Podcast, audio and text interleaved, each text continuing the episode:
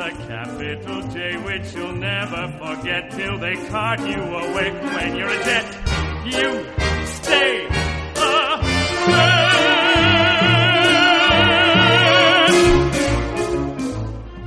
I know Tony like I know me. I guarantee you can count him in. In, out, let's get cracking. Where are you gonna find Bernardo? At the dance tonight at the gym. But the gym's neutral territory. I'm gonna make nice there. I'm only gonna challenge you. Great, Daddy-o. So everybody dress up sweet and sharp and meet Tony and me at 10. When the Jets fall in at the cornball dance, we'll be the sweetest dressing gang in Kent. And when the chicks dig us in our jet black light, Bon dia, amics, oients de Ràdio Contrabanda. Soc l'Albert. I ara aquí comença una altra edició del programa Músiques del segle XX. Programa en el qual barregem la música amb la història del segle XX. És un programa, per tant, en el qual posem molta música, però també expliquem el context històric d'aquesta música. When you're a jet, you're the top cat in town. You're the gold medal kid with the heavyweight crown. Cada programa el dediquem, com ja sabeu els que l'heu escoltat altres vegades, a un any del segle XX. I avui ens situarem en l'any 1962.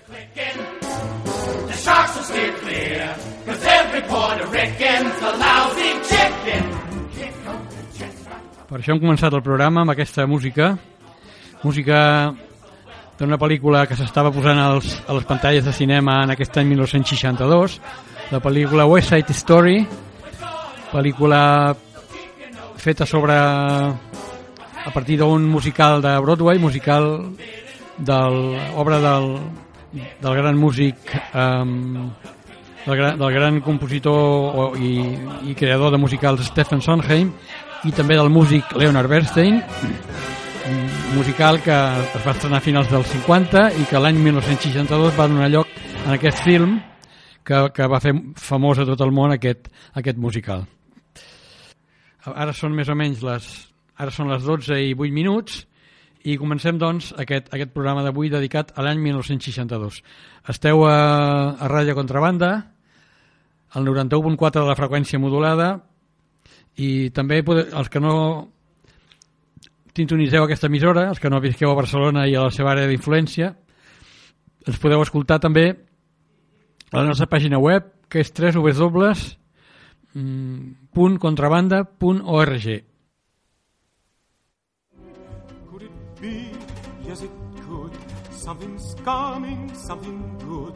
If I can wait, something's coming. I don't know what it is, but it is gonna be great.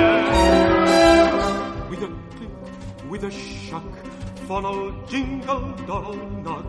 Open the latch. Something's coming, know when, it soon catch the moon when També us dic que si, si, si durant la duració del programa voleu intervenir, podeu trucar al telèfon de Ràdio Contrabanda, que és el 893 31 56 00, el nostre nou número de telèfon, 893 31 36 00, per qualsevol suggerència que vulgueu fer sobre el programa.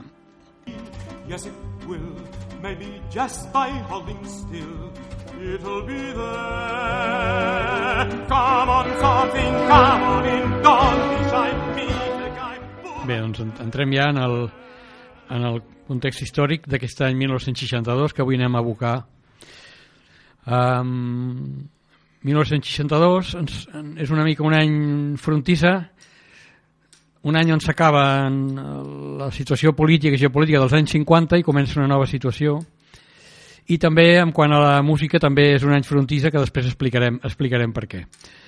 1962 és l'últim any del, dels anys 50. Els anys 50, anys en els quals eh, a part, mm, es va, es, hi havia una situació geopolítica en el món que es va constituir a final, al, al final de la, de la Segona Guerra Mundial, l'any 1945, situació en la qual eh, el món es va dividir en dos blocs, mm, cada un amb un sistema polític i econòmic diferent, i amb un país predominant que eren els dos països que havien guanyat la, havien guanyat la guerra a Alemanya, eh, principalment. Per una banda, els Estats Units d'Amèrica, que van encapçalar tot un bloc de països que estaven sota el sistema amb el sistema econòmic del capitalisme, països que agafaven tot l'Europa occidental, evidentment els Estats Units i, i altres, altres països del el Japó i altres països de, del tercer món, diguéssim, i per altra banda el, la Unió Soviètica, que és l'altre gran guanyador de la Segona Guerra Mundial, que va encapçalar el bloc dels països que estaven amb, el sistema econòmic i polític comunista, el comunisme. Um, països que, que agafaven, a part de la Unió Soviètica, que com sabeu agafava també gran Europa, part d'Europa i part d'Àsia, doncs també tota l'Europa oriental i també uh, la Xina, que també va ser un país que, que, que es va constituir com un gran país comunista. Doncs, en l'any 50 el món està dividit amb, amb aquests dos grans blocs geopolítics i també militars, perquè si bé durant, durant aquests anys, durant els anys 50, no hi va haver guerres directes entre aquests dos blocs, mm, sí va haver guerres interposades eh, amb el, amb el qual els dos blocs van apoyar països en guerra amb altres, en, en llocs concrets, però no a Europa. En, el cas, per exemple, de la guerra de Corea, en la qual el bloc capitalista va apoyar la Corea del Sud i el bloc comunista Corea del Nord, la guerra de Corea que va ser a principis dels anys 50, i també la guerra de Vietnam, en el qual que va ser a, a, a finals dels 50 i als anys 60, la guerra del Vietnam, la qual als Estats Units el bloc occidental va apoyar el Vietnam del Sud i el bloc comunista el Vietnam del Nord, doncs a part d'aquestes guerres inter, inter, amb països interposats no hi va haver guerres directes, però sí va haver una gran cursa d'armaments pels dos cantons de la manera que es va establir un equilibri, un equilibri d'armament, un equilibri anomenat del terror, perquè era era sobretot armament atòmic, un equilibri en el qual consistia en que els dos bàndols havien de tenir la mateixa potència d'armament, la mateixa potència de foc, per tal d'assegurar-se de que, de que l'altre bloc no els atacaria, perquè si els atacava doncs, significaria que ells es tornarien i, i, i, amb un, i, i llavors hi hauria una gran destrucció tant d'un cantó com de l'altre.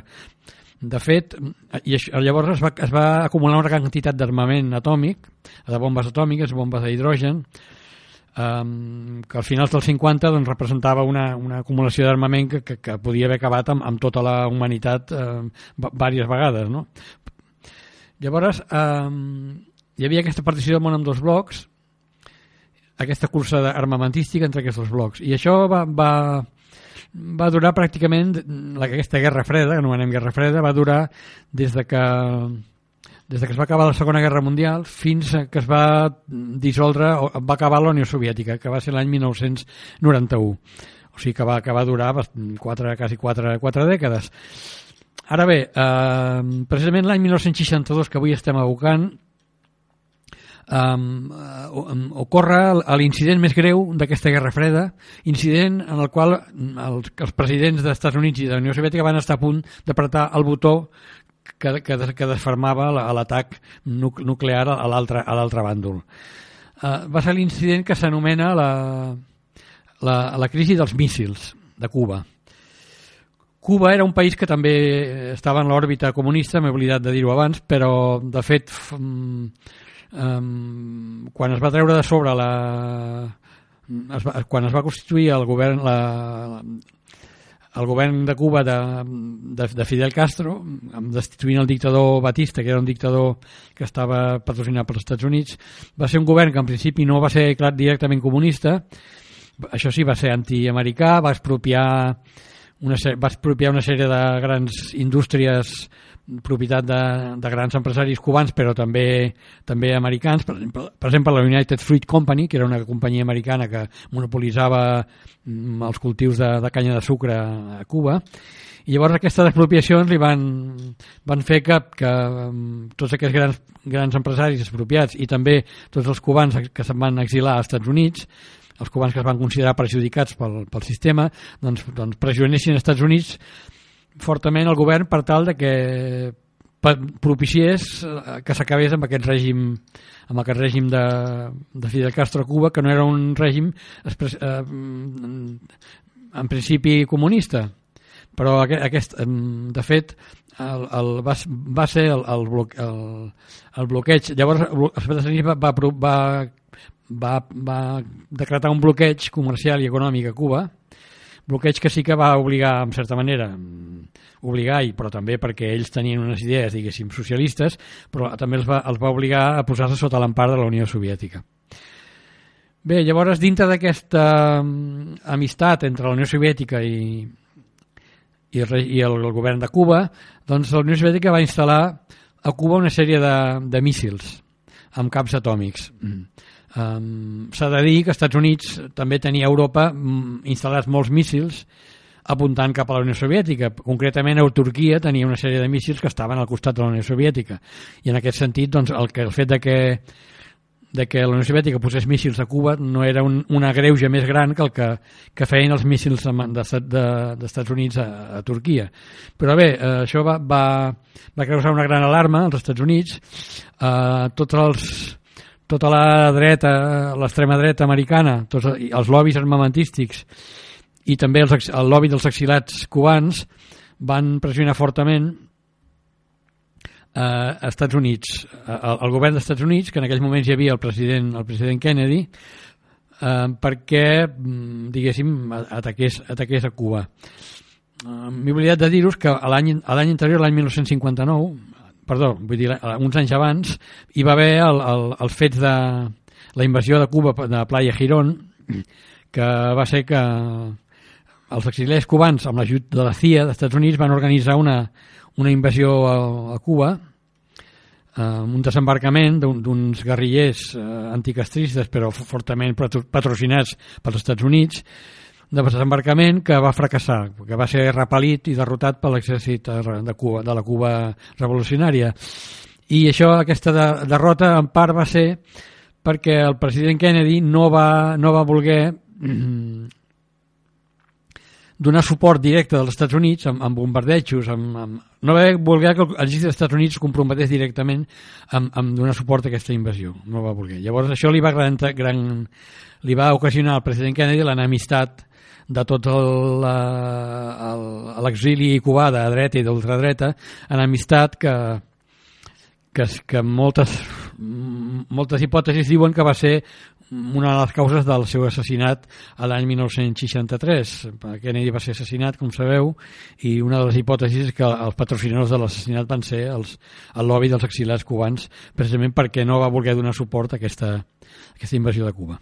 Però bé, a l'any que estem avui, 1962, va haver aquesta instal·lació de míssils eh, soviètic o de la Unió Soviètica a Cuba i llavors doncs, hi va haver un, una, una tensió molt forta que es va viure es va viure entre els Estats Units i la Unió Soviètica que, es va, que de fet va implicar tot el món vull dir, tots, tot el món estaven preocupats per què podia passar i els militars americans van estar pressionant el president Kennedy molt fortament perquè eh, partés el botó perquè perquè eh, enviés mm, enviés míssils cap a, en resposta cap a la Unió Soviètica Sortosament, el president Kennedy el pres dels Estats Units i el president Khrushchev de, de la Unió Soviètica mm, no van, no van, no van, no van cedir a aquesta pressió dels lobbies militars dels seus països. Llavors, eh, Kennedy i Khrushchev es van posar d'acord i, i la Unió Soviètica va retirar els míssils de, de Cuba. Però s'ha de dir que es va viure una crisi molt forta i que es va estar molt a punt de que hi hagués un atac atòmic, diguéssim, entre les dues grans potències, el qual hagués tingut unes conseqüències que ara no, que no podem calcular, incalculables. Realment hagués canviat la història del món, segur, però per sort això no, no, va, no va passar.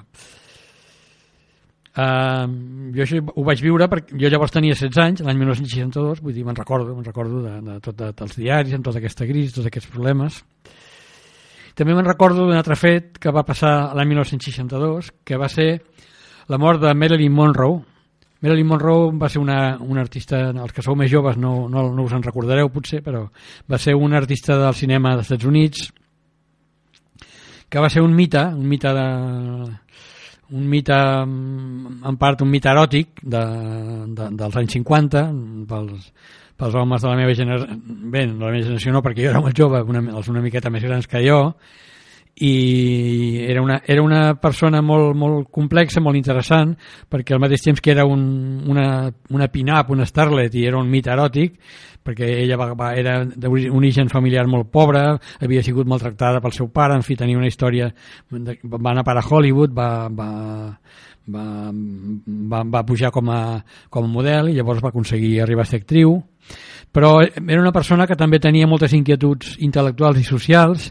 Va, va, es va casar va estar casada un temps amb Arthur Miller que era un, un intel·lectual d'esquerres molt important de, dels Estats Units, un intel·lectual que va ser encausat quan hi va haver judicis contra, contra els suposadament comunistes de Hollywood eh, pel senador Carter a, a mitjans dels, dels, dels anys 50 també Marilyn Monroe va ser amiga de, de Montand i Simon Signoret, que eren dos intel·lectuals, cineastes intel·lectuals d'esquerres francesos.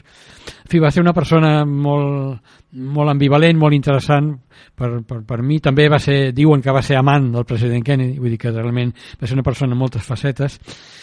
I l'any 1962, pues, un dia Eh, era una, era una persona molt, amb, diguéssim, molt desequilibrada psicològicament, um, es prenia moltes pastilles i un, un, aquest any 1962 un dia va aparèixer, va aparèixer morta a una habitació d'hotel, sembla que per un excés de, de, de pastilles, de barbitúrics.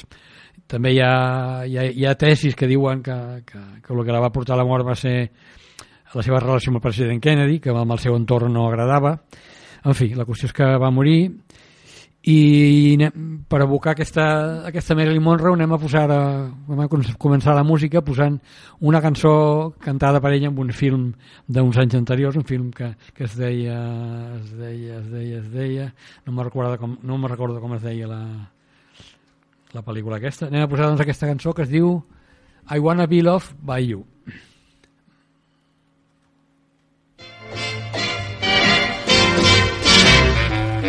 I wanna be loved by you, just you, nobody else but you. I wanna be loved by you alone, boop boopy doo. I wanna be kissed by you, just you, nobody else but you.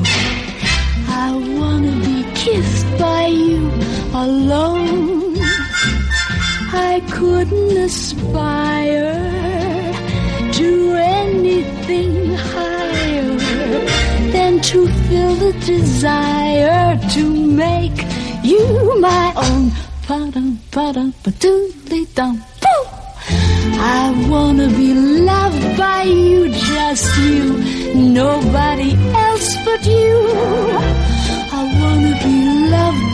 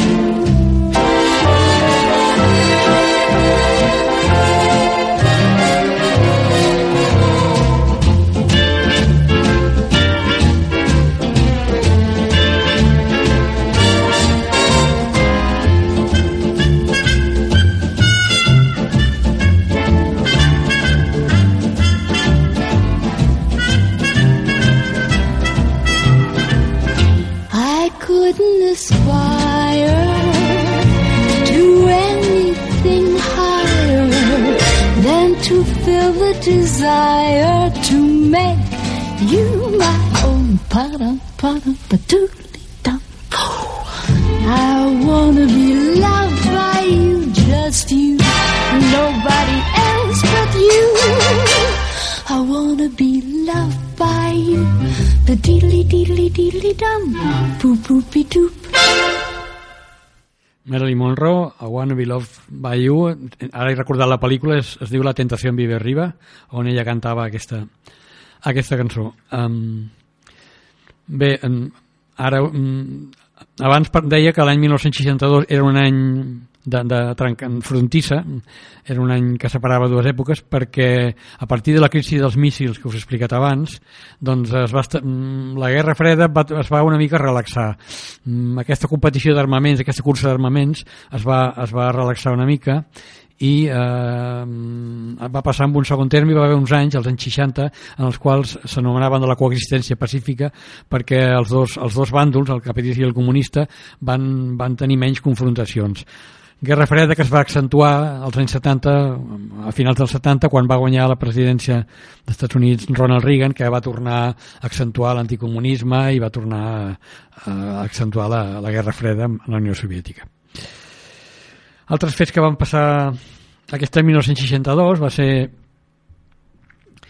en, en, en tots els anys 50 es va produir el procés de descolonització d'Àfrica de, de, per part de les potències europees que, que el, el, el colonitzaven, es van fer independents mm, almenys en teoria, políticament mm, quasi tots els països africans. Dic en teoria perquè de fet la colonització física va donar lloc a una colonització econòmica que, que ja en parlarem un altre dia de, de com, com, com Àfrica va, va ser colonitzada de manera econòmica per, per part de, dels països anteriorment colonials. I en, en aquest any 1962 eh, eh, ja, s'independitza Algèria s'independitza de França. Després d'una guerra que va durar 4 o 5 anys una guerra molt cruenta d'independència en la qual l'exèrcit francès va cometre, cometre molts excessos i que va tenir molta repercussió a, a França, de fet va, va provocar la, la, la destitució del, del, del, del, del govern que, que, que, que, va, que va fer aquests accessos a la guerra d'independència d'Algèria. De fet, aquest any es produeix la independència d'Algèria. Si, si voleu, hi ha una pel·lícula que, que ho explica molt bé la, aquest, la, independència, la guerra d'Algèria que es diu eh, La batalla d'Argel de Giro Pontecorvo si alguna vegada teniu ocasió de veure aquesta pel·lícula doncs és molt, molt interessant aquest any també es va produir un fet dins l'Església Catòlica important que va ser el Concili Vaticà II el papa Joan XXIII era un papa perturista, un papa que volia posar al dia l'Església Catòlica, va prendre una sèrie d'iniciatives i aquest concili Vaticà II doncs, va, va ser l'instrument que va utilitzar el, el papa Joan XXIII per obrir l'Església Catòlica més al món, per intentar reconciliar-se amb altres, altres confessions, per, per, eh, també per obrir l'Església més als, als, als seglars, més a les dones, una sèrie de qüestions que avui dia el papa que tenim sembla que vol tornar a fer perquè després de Joan XXIII els papes que van venir després van tornar enrere i, i van tornar a, a l'Església Catòlica més, més retrògrada. Un altre fet que va passar, més anecdòtic potser, va ser que es va llançar el primer satèl·lit de comunicacions, satèl·lit que es deia Telstar, doncs aquest any 1962 va ser el, prim, el primer satèl·lit de comunicacions que es va llançar. Fins a llavors no no n'hi havia cap encara. El va llançar als Estats Units d'Amèrica, la, la NASA i mm, parlant de, de música i escoltant, escoltant ja ara una música diferent de la que hem escoltat, música clàssica en, en aquests anys 50 i 60 s'està produint la música clàssica que predominava era l'avantguarda la, la música d'avantguarda eh, que podíem anomenar segona avantguarda per diferenciar-la de la primera avantguarda que va ser durant els anys 20-30 llavors en anys 50-60 hi havia una, la segona avantguarda música que continuava l'avantguarda dels anys 30 però eh, introduïa nous elements que llavors no, no existien. De manera que a més a més de fer música clàssica amb, amb els instruments mm, habituals fins a llavors, amb la, els instruments musicals, amb la veu humana. A partir dels anys 50 s'inicia la música anomenada electrònica, música que feia, composava a partir de, de nous medis de, de producció musical que eren els generadors, de, de, que generaven música electrònicament i també els, els magnetòfons que permetien eh, gravar i manipular mm, sons, sons tant musicals com, com sons de la vida real. Llavors hi ha un gènere musical que, que va aparèixer als anys 50, que és la música concreta, que és una música que es feia a partir de gravació de sons de la vida real i manipulació després en el laboratori de música electrònica d'aquests sons. Um, és una música que la van iniciar músics a, va començar a, a París a, als laboratoris de música electrònica de la ORTF per músics com Pierre Henry i Pierre Schaeffer després s'hi van apuntar molts altres músics d'avantguarda i ara escoltarem una música concreta, música d'aquest tipus, eh, composada pel gran compositor nord-americà John Cage. És una sèrie de, de músiques concretes que va fer que es deien Variations, que va composar durant els anys 50-60. Anem a escoltar la variació, Variation número 2, um, d'aquest músic americà John Cage, música concreta amb la qual veureu que s'utilitzen instruments de la vida quotidiana, sentireu molts instruments industrials com taladradores, fresadores, gravades i manipulades. I escoltarem una versió de, posterior, una versió que va fer posteriorment um, no, no feta pel propi John Cage sinó per un músic fet als anys 80 escoltem doncs aquesta aquesta Variations 2 de John Cage. Teniu una mica...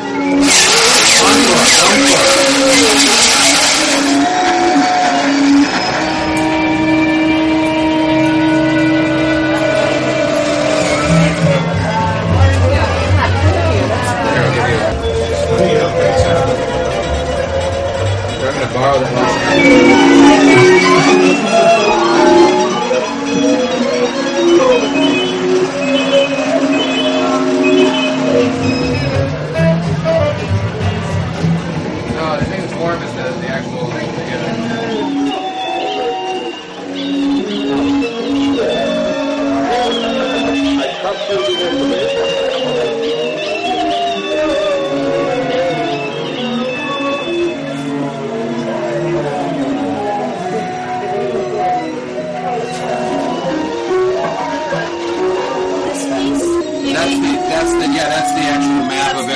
That's those stamps are where everything like center of the stamps is where all the sound is coming from. Ah.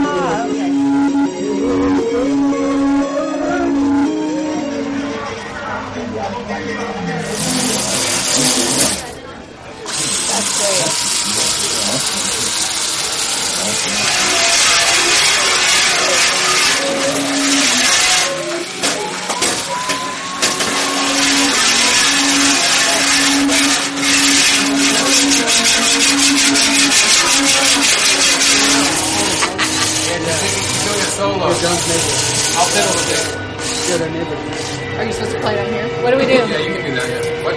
No, you can do whatever you want.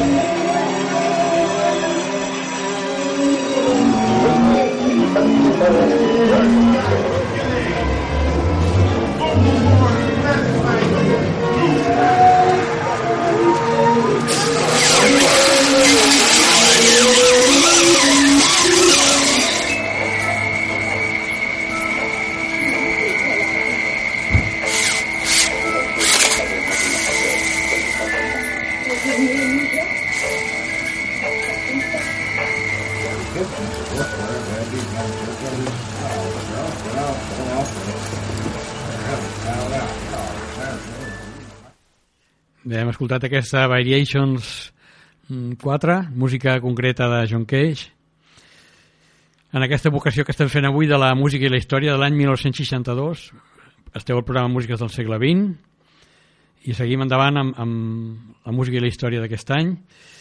I ara anem a, anem a escoltar jazz, jazz mm, publicat aquest any que estem avui, evocant eh, en els anys 60 la corrent predominant o la corrent diguéssim més, més avantguardista del jazz és el, el free jazz. El free jazz eh, és un estil de jazz en el qual per, per una banda es, es portaven fins a l'últim extrem els postulats, els postulats de d'improvisació mm, mm, lliure del bebop. En el bebop, eh, el bebop dels anys 40-50 la, la improvisació eh, només, només la feien els instruments eh, diguéssim solistes els instruments de de, de, de vent, el, el trompeta, el saxofon eh, el piano, si de cas, però en canvi la baix i la bateria sempre portaven el, a la base rítmica.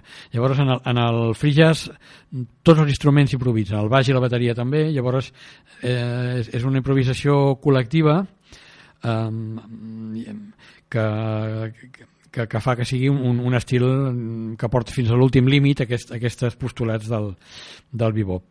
I per altra banda també és un, els jazz eh, ideològicament o sociològicament reflecteix o és, va en paral·lel a la reivindicació de, del poder negre, la reivindicació dels, dels negres americans que enfront de l'opressió i la falta de drets que tenien mm, enfront a la societat blanca optaven no per intentar integrar-se a la societat blanca sinó per reivindicar la seva negritud, reivindicar el, seu el seu black is beautiful, el negre és, és bonic. O sigui, re- reivindicar la negritud com un aspecte positiu i, i diferenciar-se de, de, dels blancs.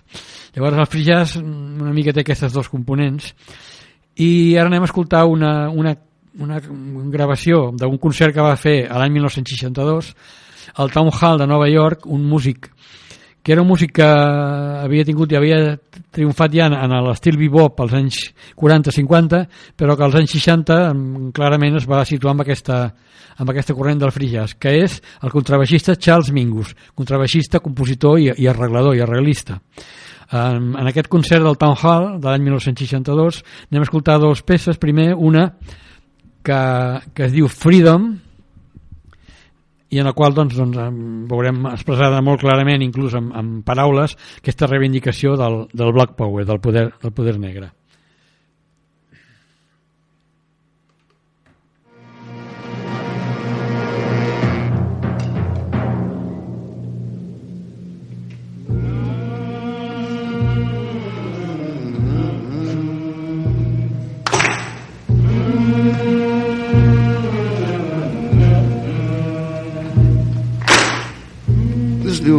Moscow. This ain't from the South. This mule's has some learning, mostly mouth to mouth. This mule could be called stubborn and lazy, but in a clever sort of way, this mule could be working, waiting, and learning and planning for a sacred kind of day. The day when burning sticks and crosses is not mere child's play, but a madman in his most incandescent bloom whose lovely soul is imperfection and his most lustrous groom. So stand fast, young woman, soothing contemplation, thy burning hole and aching thigh. Your stubbornness is of the living, and cruel anxiety has begun to die. Freedom for your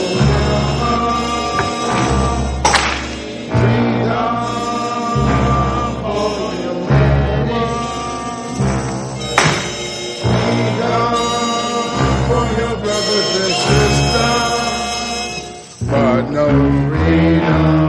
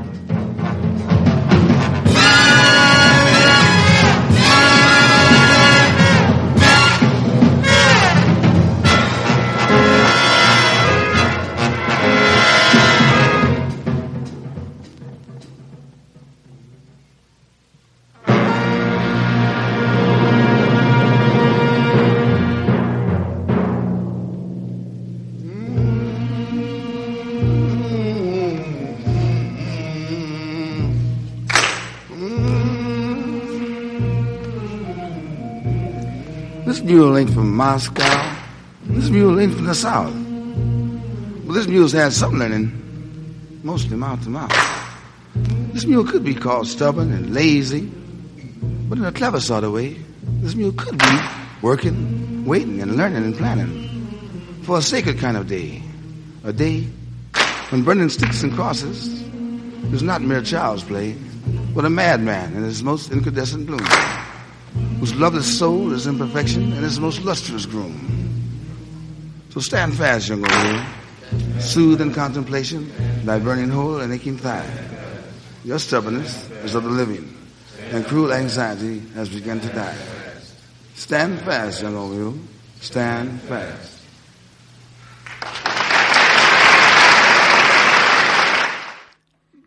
Bé, i ara d'aquest concert de, de, del Charles Mingus i la seva orquestra. Bueno, veureu que és una orquestra numerosa la que estava tocant, Charles Mingus era un gran, un gran arreglista, a part d'un gran contrabaixista. Escoltarem una altra una altra peça. Aquesta més, més, més instrumental, més, músic, més música, no tan, no tan recitada, que es diu Epitaph.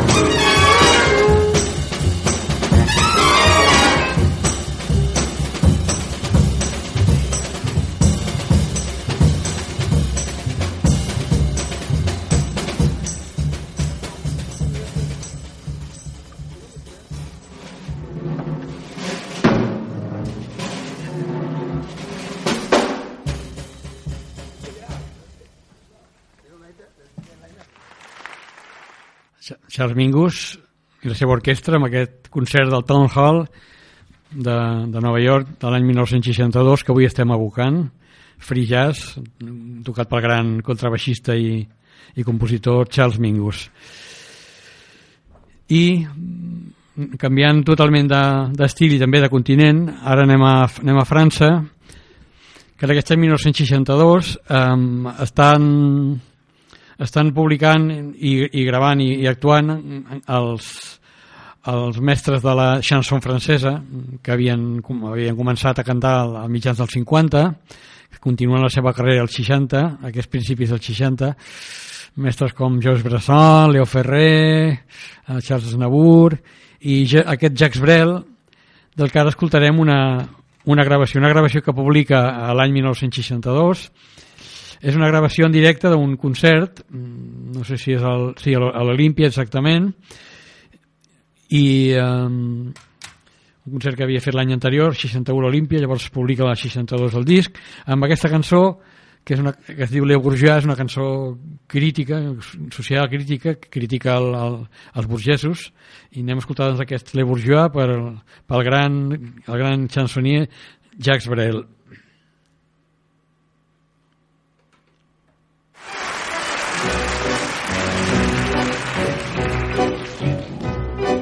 Le cœur bien au chaud, les yeux dans la bière, suis la grosse Adrienne de mon talent. Avec l'ami Jojo, avec l'ami Pierre, on allait boire nos vingt ans. Jojo se prenait pour Voltaire, et Pierre pour Casanova. Et moi, moi qui étais le plus fier, moi, moi je me prenais pour moi. Et quand vers minuit passaient les notaires qui sortaient de l'hôtel des trois faisans, on leur montrait notre cul et nos bonnes manières en leur chantant les bourgeois. C'est comme les cochons, plus ça devient vieux, plus ça devient bête. Les bourgeois, c'est comme les cochons, plus ça devient vieux, plus ça devient.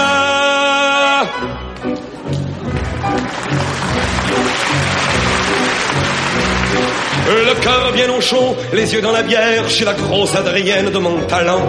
Avec l'ami Jojo et avec l'ami Pierre, on allait brûler nos vingt ans. Voltaire dansait comme un vicaire et Casanova n'osait pas. Et moi, moi qui restais le plus fier, moi, j'étais presque aussi sous que moi. Et quand vers minuit passaient les notaires qui sortaient de l'hôtel des trois faisans, on leur montrait notre cul et nos bonnes manières en leur chantant les bourgeois, c'est comme les cochons, plus ça devient vieux, plus ça devient bête. Les bourgeois, c'est comme les cochons, plus ça devient vieux, plus ça devient.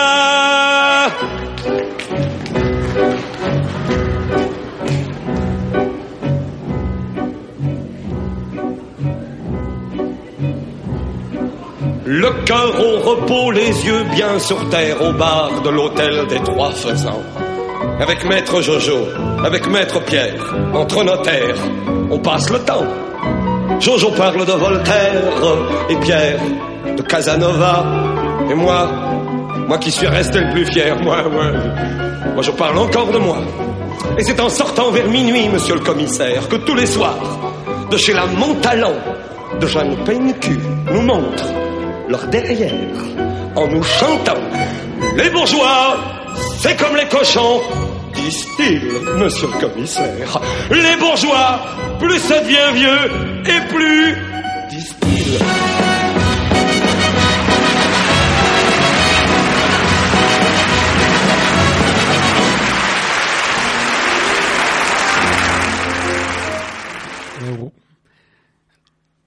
Les, bourgeois, c'est com les cochons. Els burgesos són com el porc, diu Jacques Brel en aquesta cançó, en aquest concert de l'any 1900, que es va publicar l'any 1962. Concert a l'Olimpia.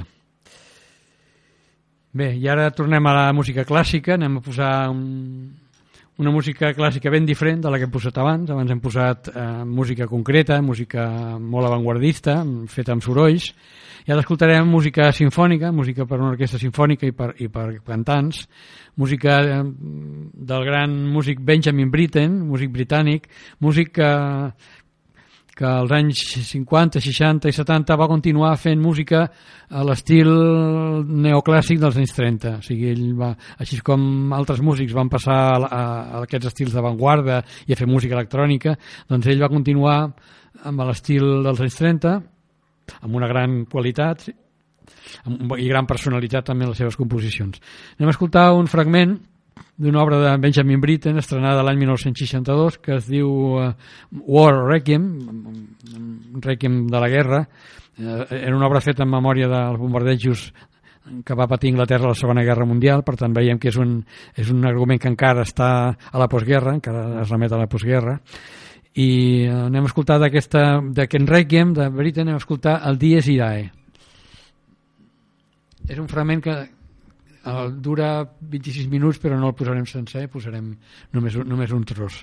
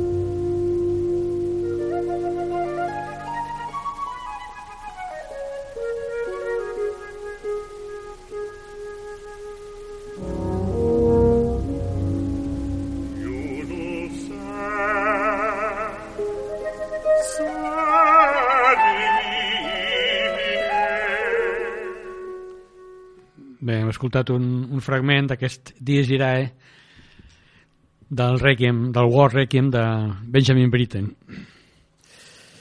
I ara després d'aquest pas per la música clàssica sinfònica, publicada aquest any 1962, anem a la música popular, la música mm, d'entreteniment, la música d'entreteniment i ball, i, en- i també ara us explicaré per què deia al principi de que l'any 1962, que avui estem evocant, era un any, de, un any frontissa, un any de, de canvi, um, era, era l'any de trànsit entre els anys 50 i els anys 60, P- mm, també, i també era en quant a la música popular i d'entreteniment. Um, I ara, ara, ara ho explicarem, això. Als anys 50, mm, amb la, la música pròpiament orientada als joves o la música no existia una música um, pròpiament per, per joves hi, hi havia evidentment músiques més, més que li agradaven més als joves però no hi havia una, tota una indústria musical um, i, un, i uns compositors i uns intèrprets i uns mànagers que, que, que fossin joves i, i que també fessin música només per joves.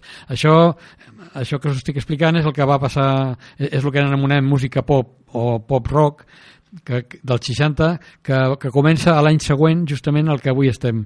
A l'any a l'any 63, els Beatles mm, exploten, mm, passen al primer lloc de, de les llistes a la seva cançó Please Please Me i pràcticament és l'any amb el qual explota la, el fenomen de la música pop i la música rock. Als anys 50 no existia aquesta música pròpiament dita, existia un, una música pre-pop o pre- pre-rock, um, que era una música que estava feta per la indústria musical en general, orientada més al- cap als joves, però encara no tenia la, la, la força i, i el caràcter generacional que va tenir el pop i el rock als anys 60. Llavors, justament aquest any 62 és l'últim any en el qual, abans de que explodeixi l'explosió de l'explosió pop i rock dels anys 60. Um, hi ha una sèrie de, de, de músics als Estats Units, a, a, a, a Anglaterra també, que fan aquesta música pre-pop o pre-rock, um, que alguns l'anominen música high school, la més, la més orientada als, als teenagers, i també el, el, altres, altres parlen del rock and roll primitiu, que era el rock and roll que feien els músics com, com Chuck Berry, um, Jerry Lewis i també l'Elvis Presley, evidentment, que era el més conegut. I també, eh, dintre d'aquesta música prèvia al, al pop i al rock, hi ha aquest músic, un gran músic, ara posarem un parell de, de composicions, eh, que és Ray Charles. Ray Charles eh, era un músic eh, de raça negra, músic sec, a més a més, músic sec, que, que als anys 50 va va tenir una sèrie de, de, de, de, de composicions d'èxit i també de, de molta qualitat. Era músic que es havia educat en el, en el blues i, i que, era, que era capaç de tocar tant blues com, com, com rock and roll d'aquest primitiu, rock and roll previ, o música més, més, de cara, més suau de cara als teenagers de, de cara també al, al, consum. Tenia la seva pròpia orquestra, mm, era un músic que, que, ja us dic, va tenir grans èxits, però també amb una, mantenint una gran qualitat i una vinculació en el seu blues eh, original. Um, anem a escoltar primer un, un, un, una música que va estrenar l'any 1962, que va ser un, un èxit d'aquest any, música que, que, que aquí a Espanya també va sortir publicada en aquest any i per tant els joves espanyols també l'escoltàvem amb els nostres tocadiscos i la ballàvem en les nostres festes i guateques. La música aquesta es diu Unchain My Heart.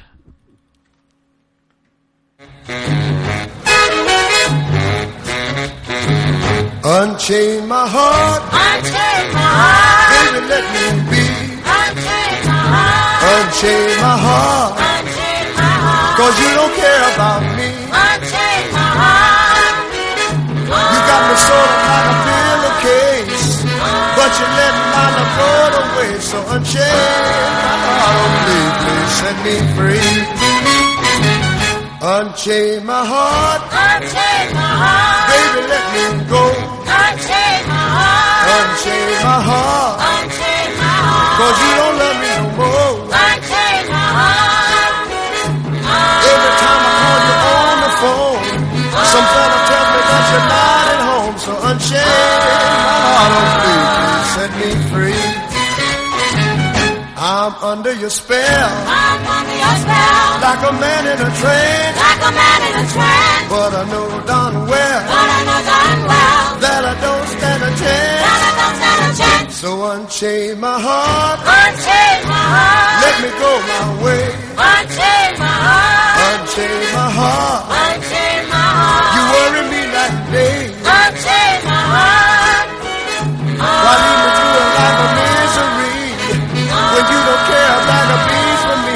Unchain my heart, oh please, please set me free.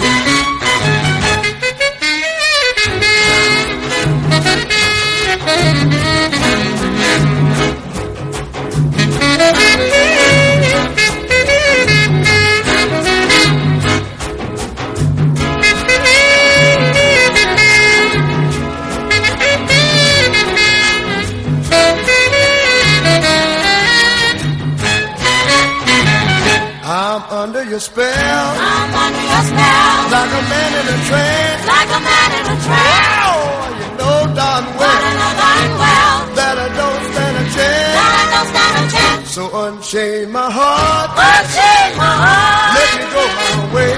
Unchain my heart. Unchain my heart.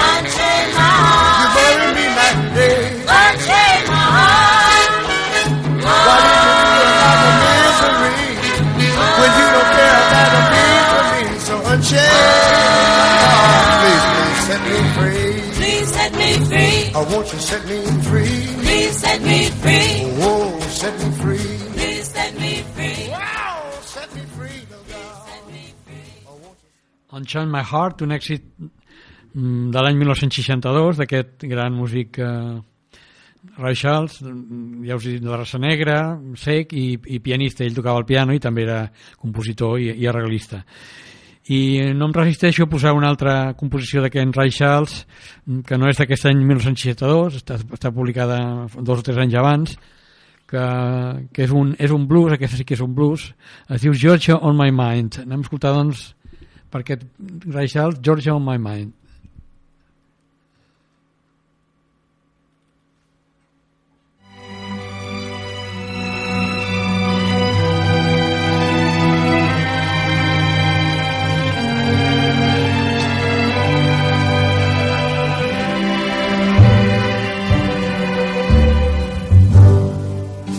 Georgia, Georgia, the whole day through. Just an old sweet song keeps Georgia on my mind.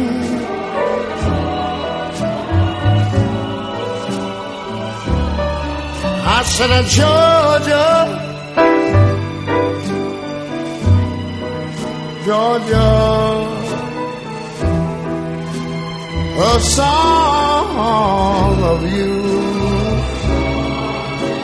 comes as sweet and clear as moonlight through the pines.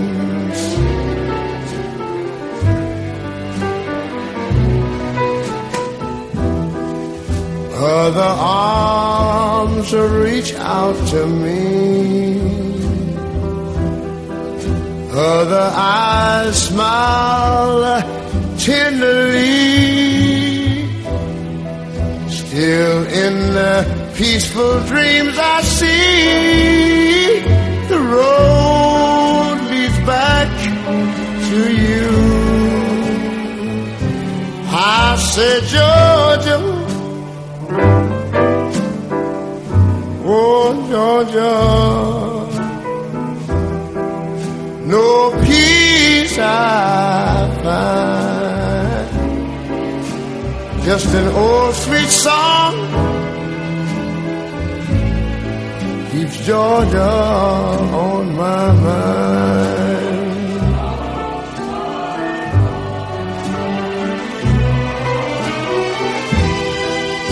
Other arms reach out to me.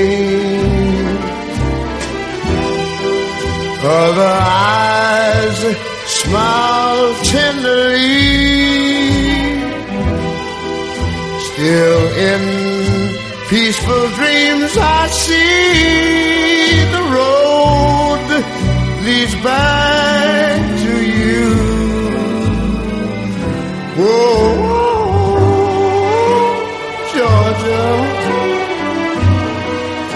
Georgia, no peace, no peace I find. Just an old sweet song keeps Georgia on my mind.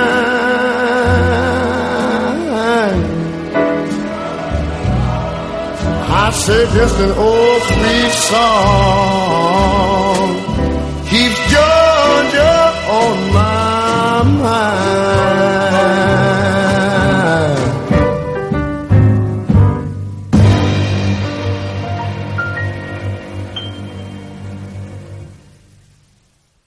George on My Mind, Ray Charles, un magnífic, aquest magnífic cantant una, una, i compositor.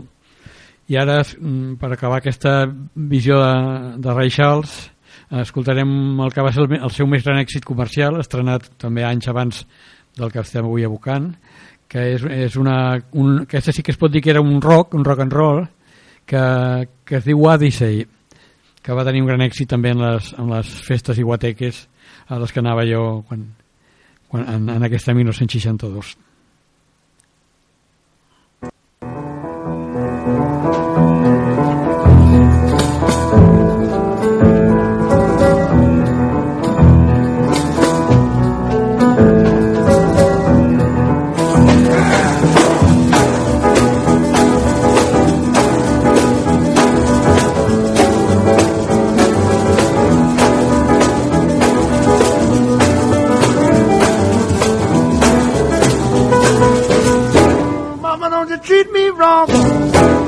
and then it all night long. All right. All right. All right, all right, all right see me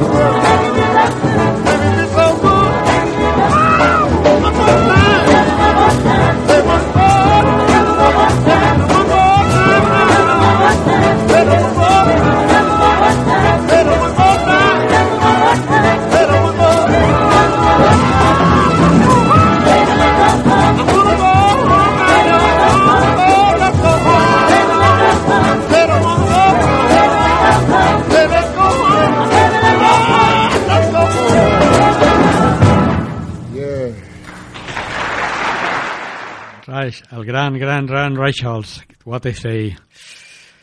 Bé, continuem doncs la, pel nostre viatge per la música i la història de l'any 1962 i ara posarem una música de cinema eh, estrenada, una pel·lícula estrenada aquest any. Um, és la pel·lícula Lawrence d'Aràbia una pel·lícula molt que es va veure molt a les pantalles que la protagonitzava Peter O'Toole i Omar Sharif i um, la banda sonora d'aquesta pel·lícula la va composar el músic francès Maurice Jarre. Anem a escoltar d'aquesta banda sonora doncs un, un, un extracte de la banda sonora d'aquesta pel·lícula estrenada l'any 1962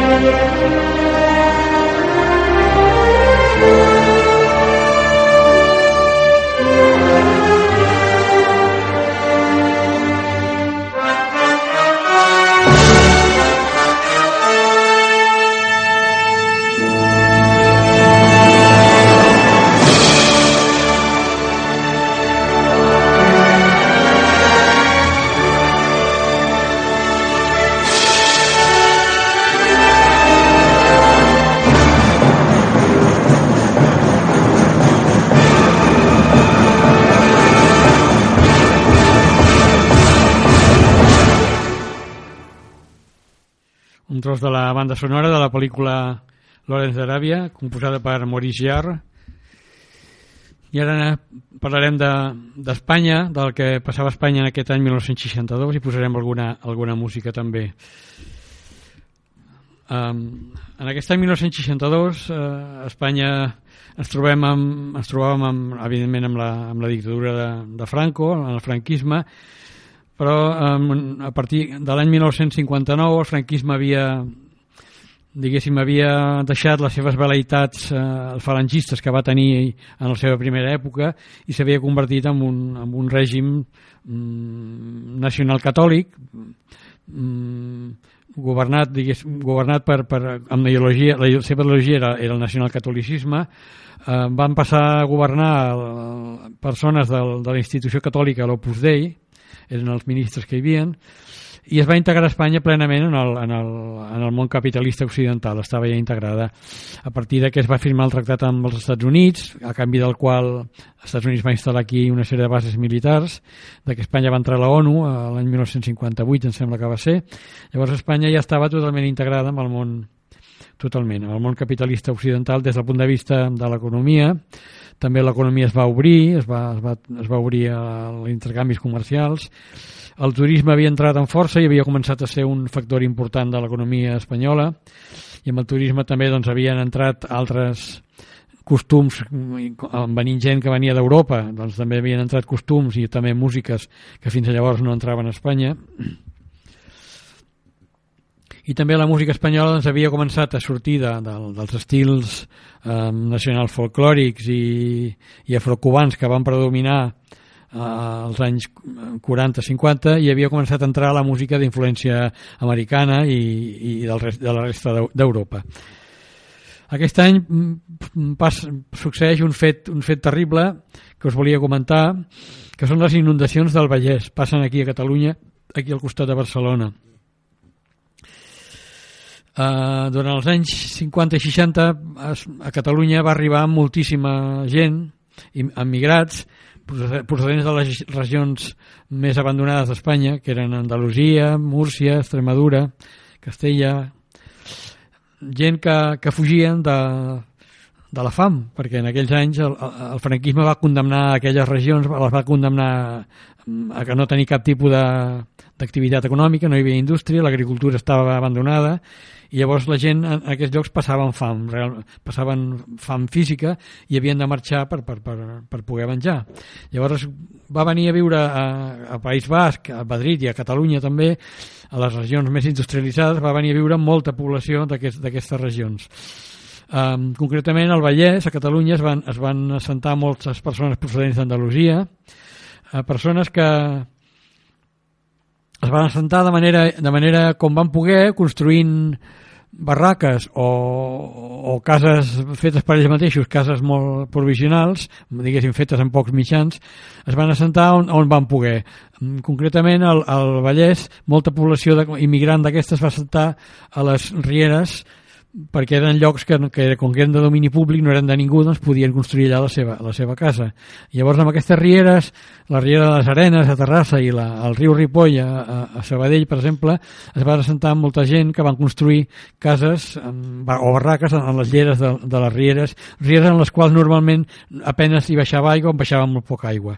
Però l'any 1962 va haver unes grans pluges i va produir una, unes, unes, una gran crescuda d'aquestes rieres que va, es van dur pel davant eh, molt, moltes d'aquestes barriades i amb elles també moltes vides humanes. Van morir 700 persones a les inundacions aquestes del Vallès entre Terrassa, Sabadell, Rubí i altres localitats del Vallès.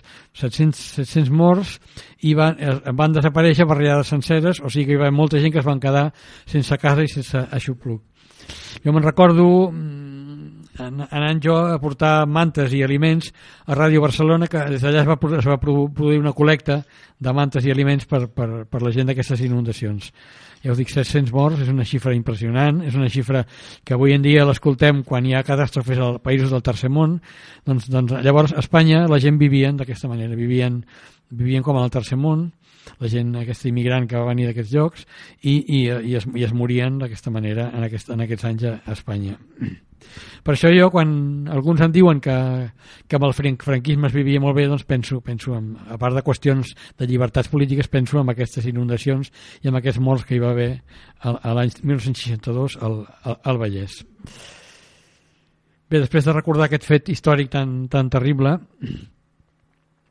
També dir que en aquests anys doncs, mm, a Espanya començava a haver una classe mitja, mm, a partir dels anys 50 i sobretot dels 60 es, crea, es va crear una classe mitja, una classe mitja que, que, que vivien més o menys en condicions de vida més o menys ja assimilables a les que es vivien en altres països d'Europa, que també vivien en uns pisos, mm, diguéssim, decents, uns pisos grans, eh, a l'Eixample.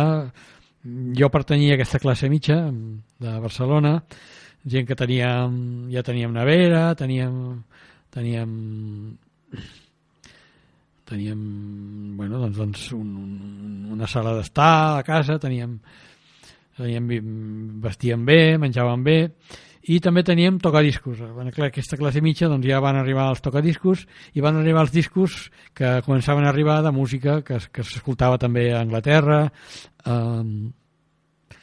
a, a França, als Estats Units també i també van, van sorgir un, alguns cantants que, que, que cantaven dintre d'aquests estils ja de música que es feia als Estats Units, a Anglaterra i, i a França.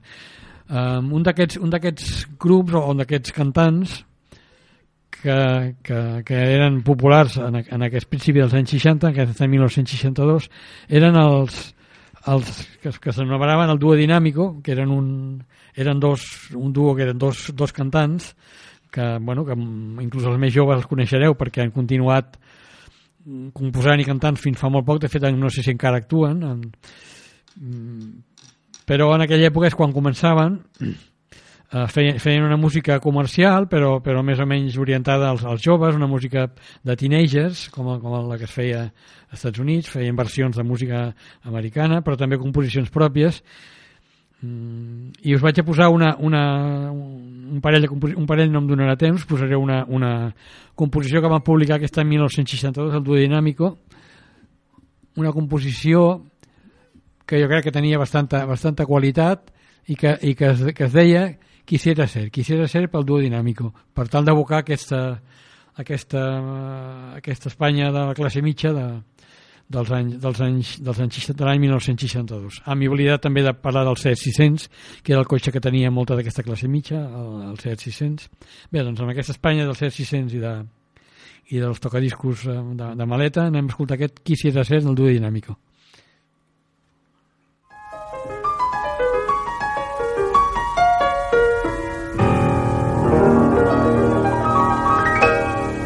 Quisiera ser tu gran amor.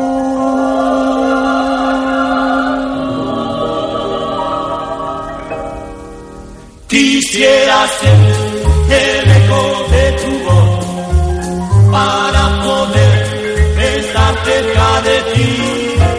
Quisiera ser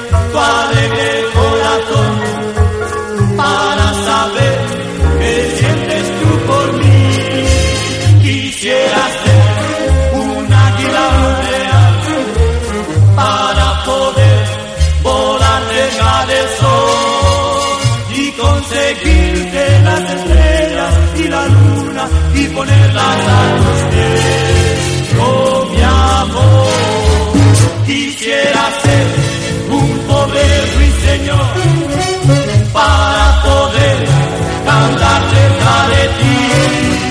Quisiera ser la más bella canción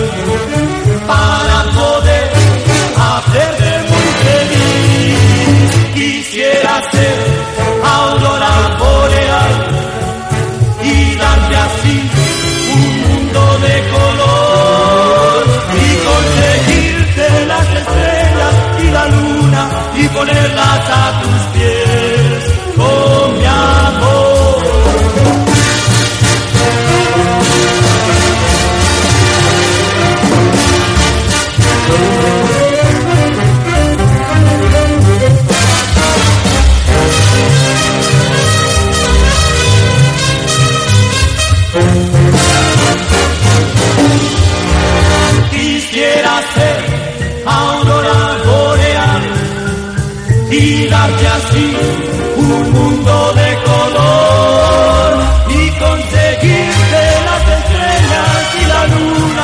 ponerlas a con mi amor y conseguirte las estrellas y ponerlas a tus pies. Quisiera ser tu gran amor, quisiera ser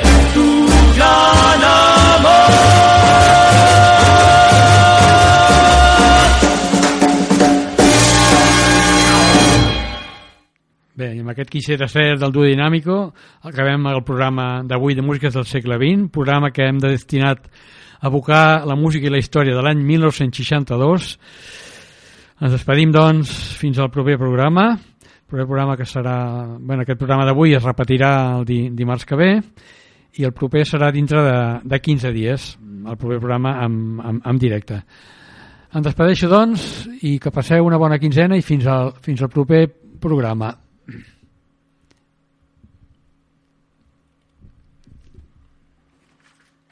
Músiques del segle XX.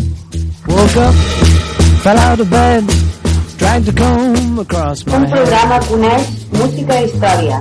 Found my way downstairs and drank a cup. D'un temps proper i interessant. I noticed I was late. Found my coat and grabbed my hat. Made the I bus de tots els gèneres i estils. Found my way upstairs and had a smoke. And somebody spoke and I went into a dream.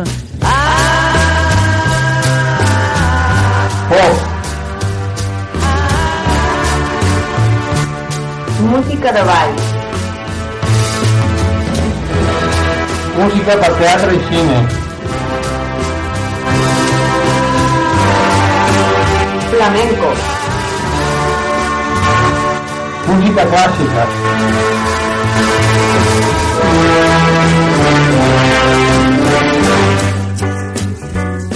Música popular. Folk.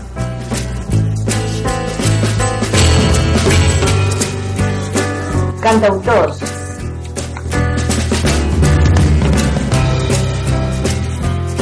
Tot això ho podeu escoltar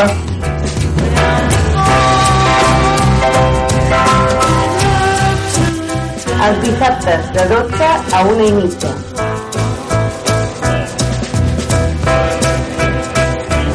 Contrabanda al 91.4 de la FM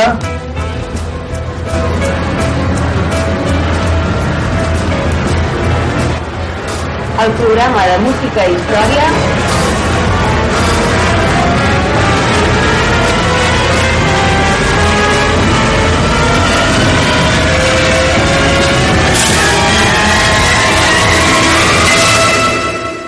Músiques del segle XX